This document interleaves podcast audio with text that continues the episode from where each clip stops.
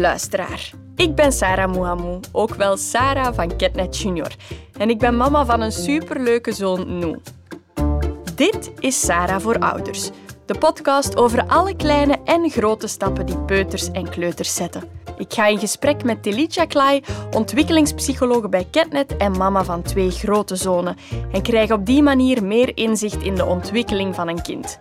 Er is ook de podcast Sokpops Eerste Keer en die is volledig op maat van kleuters gemaakt. Dag Telitja. Dag Sarah. Ik heb veel vragen voor jou in deze aflevering en ik haal er straks ook nog een expert bij, want we gaan het in deze aflevering hebben over iets wat we allemaal kennen en doen en toch is het vaak een gevecht met onze kinderen. Ik heb het natuurlijk over tandenpoetsen. Ah ja.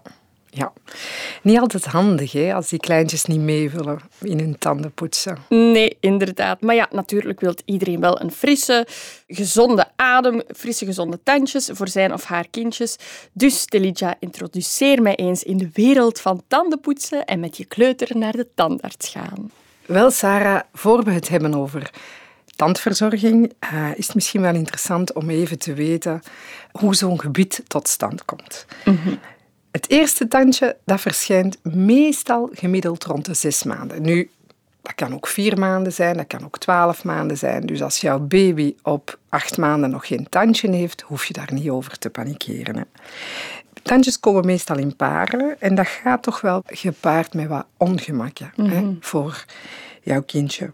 Komen die ongemakken? Wel, als tandjes doorkomen, dan zwelt het tandvlees en dat kan best wel wat pijnlijk zijn. Dus het tandvlees ziet dan rood en gezwollen, zo kan je dat ook zien. De kaak kan wat rood en warm aanvoelen. Soms gaat het doorbreken van tandjes ook gepaard met buikloop of geïrriteerde billetjes. En dat heeft dan weer te maken met het feit dat als tandjes doorkomen, de meeste kindjes een zuurder speeksel produceren dat ze dan doorslikken, waardoor dat de stoelgang vloeibaarder wordt en er dus irritatie van de billetjes kan komen. Soms hebben kindjes ook verhoging van hun temperatuur als tandjes doorkomen. Um, en ja, denk dat ik jouw vraag al kan raden. Ja, wat kan je doen om die pijn te verlichten? Wel, eerst en vooral is het natuurlijk belangrijk van de nodige troost te bieden. Want je gaat ook merken dat als tandjes doorkomen, dat babytjes soms zo van die gilletjes geven van pijn, omdat ze steekjes voelen hè, in hun mhm. mond. Dus blijf zelf ook ontspannen en rustig en zorg je gewoon dat je de nodige veiligheid kan bieden, de nodige warmte en dat je nabij het feit van uw babytje in uw armen te nemen zal hem of haar al heel veel rustiger maken en wat weerbaarder maken tegen die pijn. Je kan ook een bijtering voorzien. Dat kan je in een babywinkel of in een apotheker kopen. Je kan die bijtering zelfs in de ijskast leggen of in de diepvries. En als jouw kindje daar dan op begint te bijten of te knabbelen, dan werkt dat eigenlijk wat kalmerend op dat tandvlees. Dat maakt dat tandvlees zachter, waardoor dat die tandjes makkelijker kunnen doorkomen. Je kan er evenwel voor kiezen om met jouw vingertoppen de rand van dat tandvlees zachtjes te masseren. Je gaat dan ook merken dat je babytje op je vingers begint te knabbelen. Mm Zo wat begint te wrijven eigenlijk. Het feit dat je dat doet, ook dat geeft een kalmerend effect op het tandvlees en zal het tandvlees wat doen ontsmellen en dus het makkelijker maken om het tandje door te doen komen. Wat wel belangrijk is, maar dat hoef ik waarschijnlijk niet te zeggen, namelijk dat je handen proper zijn, hè, dat je handen gewassen hebt om infectiegevaar te voorkomen. Nu, bij de apotheker zijn er ook allerhande zalven en gels verkrijgbaar. Je kan dat bij de apotheker halen en dan ineens een gesprek hebben wat voor keuze je neemt in een zalf of een gel, die je op het tandvlees kan doen en die ook een iets verdovend, kalmerend effect op het tandvlees hebben. Een ontzwellend effect, waardoor dat het tandje makkelijker kan doorkomen. Nu, stel dat uw kindje verhoging heeft en koorts maakt, als dat aanhoudt, dan is het toch wel belangrijk dat je de huisarts of de pediater consulteert. Ja. Wanneer is het volledig melkgebied nu gevormd? Wel, gemiddeld rond 30 maanden is het melkgebied volledig gevormd. Een melkgebied telt 20 tanden. 4 maal 2 snijtanden, 4 maal 1 hoektand mhm. en 4 maal 2 kiezen. Ja, dat kan je ook terugvinden in het boekje van Kind en Gezin. Hè. Dat herinner ik mij. Daar staat zo'n afbeelding in met alle uh, tanden. Hè. Ja, klopt inderdaad. In dat boekje van Kind en Gezin staat ook wanneer de melktanden gaan beginnen wisselen. Ja. Namelijk tussen zes en acht jaar gemiddeld. Je herinnert je dat waarschijnlijk nog, Sarah, van vroeger. Zo'n tandje dat komt loszitten mm en losser en losser en losser tot het uitvalt. En dan komt er een nieuw tandje aan, hè. dat zit daaronder. Een blijvend gebit telt 32 tanden, 16 tanden per kaakhelft. Kinderen wisselen hun volledig gebit meestal tussen de 12 en de 14 jaar. Als daar afwijkingen op zouden zitten, tegen dan ga je al lang regelmatig naar de tandarts. En dan is dat ook iets dat je met de tandarts kan bespreken. Hè? Ja, inderdaad. Goede, gezonde melktanden zijn de belangrijkste voorbode en waarborg voor een gezond en stevig gebit. Dus tandjes goed verzorgen is een absolute must. Inderdaad, en dan komt er natuurlijk de volgende vraag. Hoe en vanaf wanneer verzorgen we die tandjes? Ik schakelde daarvoor tandarts Joris Aarde in en hij vat enkele richtlijnen voor ons samen.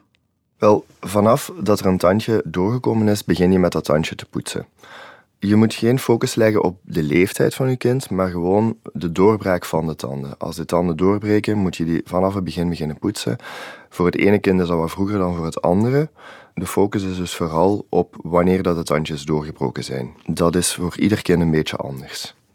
Kinderen kunnen vanaf een bepaald moment zeker zelf hun tanden poetsen, maar meestal wordt aangeraden om als ouders tot de leeftijd van ongeveer 10 jaar de tanden zeker na te poetsen.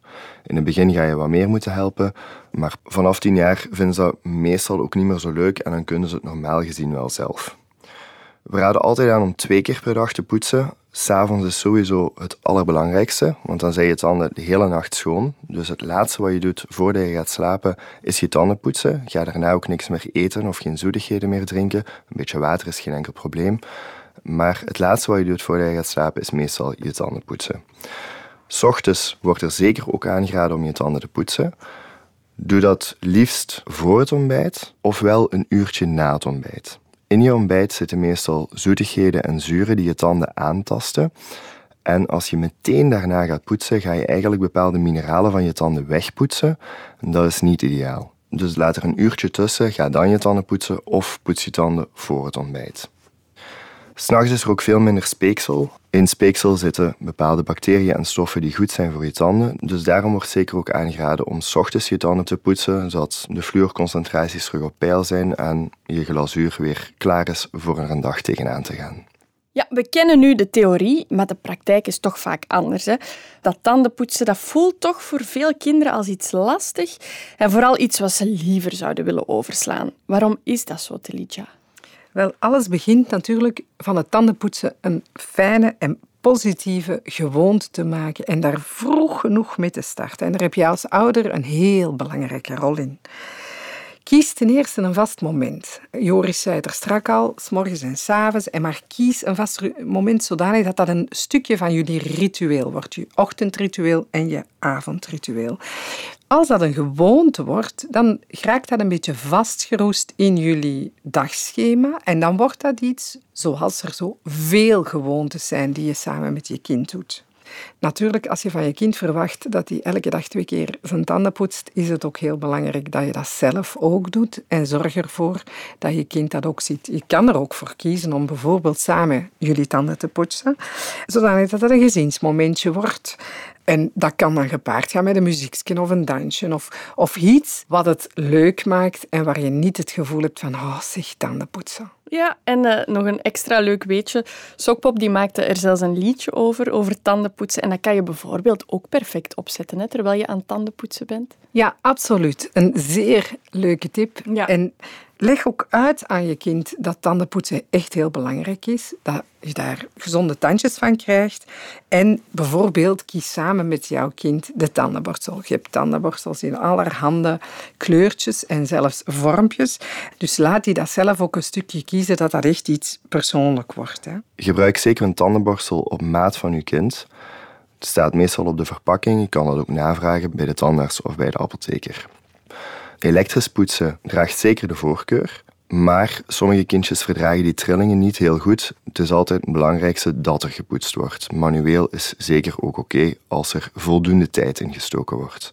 Twee minuten wordt zeker aangeraden om te poetsen. Niet enkel de voorste tandjes, maar over alle vlakken van alle tandjes gaan. Zowel de binnenkant, de buitenkant als de kauwvlakken. Ook de tandpasta is aangepast aan de leeftijd van uw kind. Dit staat op de verpakking. Er zijn tandpasta's voor jongere kindjes, onder twee jaar. Daar zit minder hoge fluorconcentratie in. Er zijn ook tandpasta's voor iets oudere kindjes, 2 tot 6 en 6 plus. En daar zitten hogere fluorconcentraties in. Dus kijk altijd goed naar de leeftijden, voor welke leeftijden dat de tandpasta geschikt is. Het is eigenlijk vooral belangrijk hoeveel tandpasta uw kind nog inslikt. Als ze alles beginnen uitspuwen en niets meer inslikken, dan kan je gerust een leeftijd hoger schakelen van tandpasta. Er zijn ook kindertandpasta's waar veel zoetigheden in zitten. Gebruik deze alsjeblieft niet. Dat is absoluut niet goed voor je tanden. Gebruik ook zeker niet te veel tandpasta. De grootte van een echt is zeker voldoende voor een poetsbeurt normaal gezien. Vanaf de leeftijd van drie jaar kan je best ook je kindje eens meenemen naar de tandarts. Dit is normaal gezien voor een gewone controle. Hier kunnen ze alles wennen aan de stoel, aan de tandarts zelf, aan het licht wat op de mond schijnt. Als er iets aan de hand zou zijn, bijvoorbeeld moest je kind eerder pijn krijgen of vallen op de tanden, ben je natuurlijk ook eerder welkom. Maar rond de leeftijd van drie vindt normaal gezien ongeveer de eerste controle plaats. Ja, voilà. En als het moment dan aanbreekt om naar de tandarts te gaan, hoe zorgen we er dan voor dat ze dat leuk vinden of dat daar geen probleem van wordt gemaakt? Wel, Sarah, ook hier geldt dezelfde regel. Door er vroeg genoeg mee te beginnen. Er wordt aangeraden van ongeveer rond het derde levensjaar naar de tandarts te beginnen gaan. Nu, niet iedereen doet dat. Meestal gaat men pas uh, als er iets mis is, als er een probleem is met de tandjes. En daar knelt dan ook het schoentje.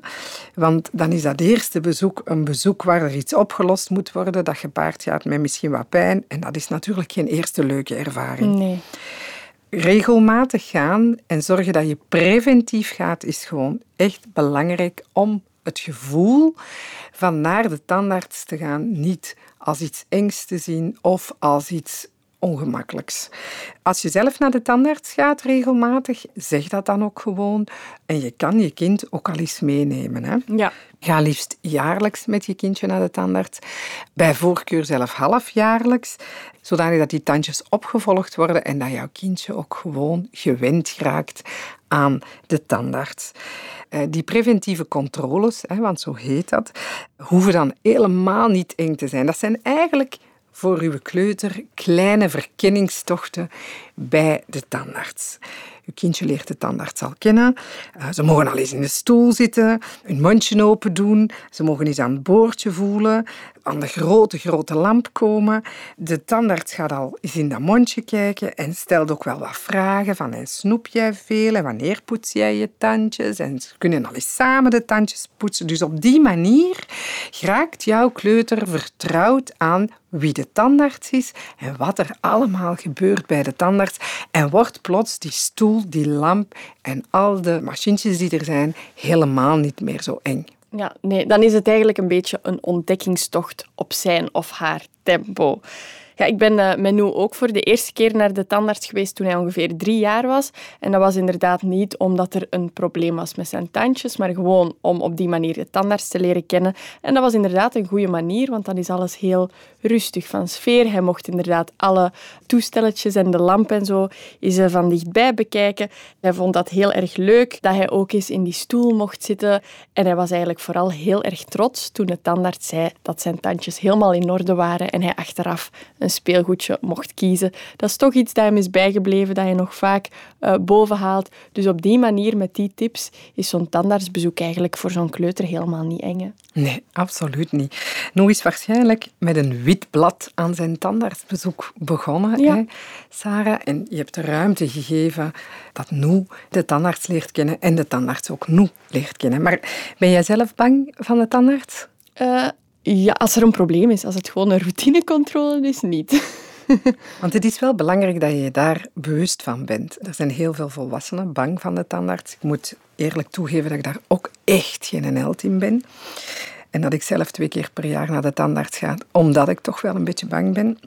Als je zelf heel angstig bent, dan kan het zijn dat je je gevoelens van angst doorgeeft aan je kind, die dat aanvoelt en er zelf al tegenop begint te zien om naar de tandarts te gaan, omdat jij er zo tegenop zit. Dus je bewustzijn van het feit dat je zelf toch wel wat angsten hebt voor dat tandartsbezoek en je bewustzijn van het feit dat je er toch wel alles aan moet doen om dat niet door te geven, is belangrijk. Ja, ik kan me wel voorstellen dat sommige ouders inderdaad die angst voelen, maar het is dus belangrijk dat je die angst niet projecteert op je kind. Absoluut. En het is ook te begrijpen dat mensen soms bang zijn van het tandartsbezoek, omdat ja, tandpijn is ook echt iets verschrikkelijks. Hè? Ja. Maar we proberen dat gevoel niet door te geven aan de kinderen. En we blijven positief en gemotiveerd om naar de tandarts te gaan, om op die manier het tandartsbezoek een stukje van uw dagelijks leven te maken. Of, allez, ja, uw jaarlijks leven dan. Hè. Je kan ook altijd een boekje uit de bib lenen of kopen in de winkel rond het eerste tandartsbezoek. En dan is er natuurlijk de podcast waar Sokpop samen met jou, Sarah, voor de eerste keer naar de tandarts gaat. en op die manier kan je hen ook voorbereiden op het eerste tandartsbezoek. Ja, dat is inderdaad een hele goede tip. Dus als ik het goed begrijp, is het vooral belangrijk dat we op tijd naar de tandarts beginnen te gaan en dat we dat systematisch doen. Dus elk jaar of halfjaarlijks. Niet alleen voor de opvolging van het gebit, dat is heel belangrijk, maar minstens even belangrijk is de relatie tussen ons kind en de tandarts en dat die vooral heel positief blijft. Ja, dat klopt helemaal. Nu, weet ook Sarah dat je als opvoeder of ouder, wanneer je aangesloten bent bij een ziekenfonds in België je tot 18 jaar jaarlijks een preventief bezoek aan de tandarts volledig terugbetaald krijgt. Hmm. Over tandartsbezoeken en tandartshulp wordt wel eens gezegd dat dat heel duur is. En begrijp me niet verkeerd, dat kost ook wel wat geld.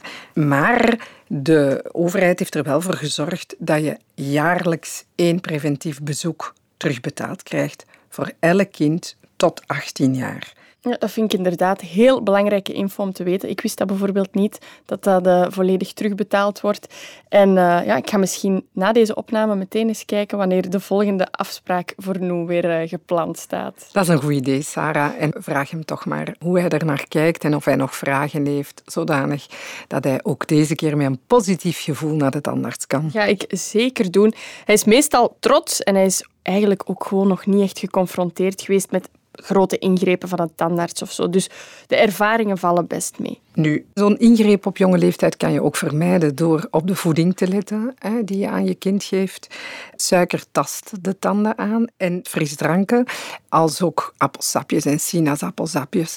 Daar zit toch wel wat suiker in die ook wel een invloed kunnen hebben op de tandjes. Wil dat zeggen dat we onze kinderen nooit frisdrank of appelsapjes of appelsiensap mogen geven? Nee, natuurlijk niet. Maar alles met mate en blijf natuurlijk poetsen. Voilà, en dan kunnen we denk ik afsluiten met een hele wijze les.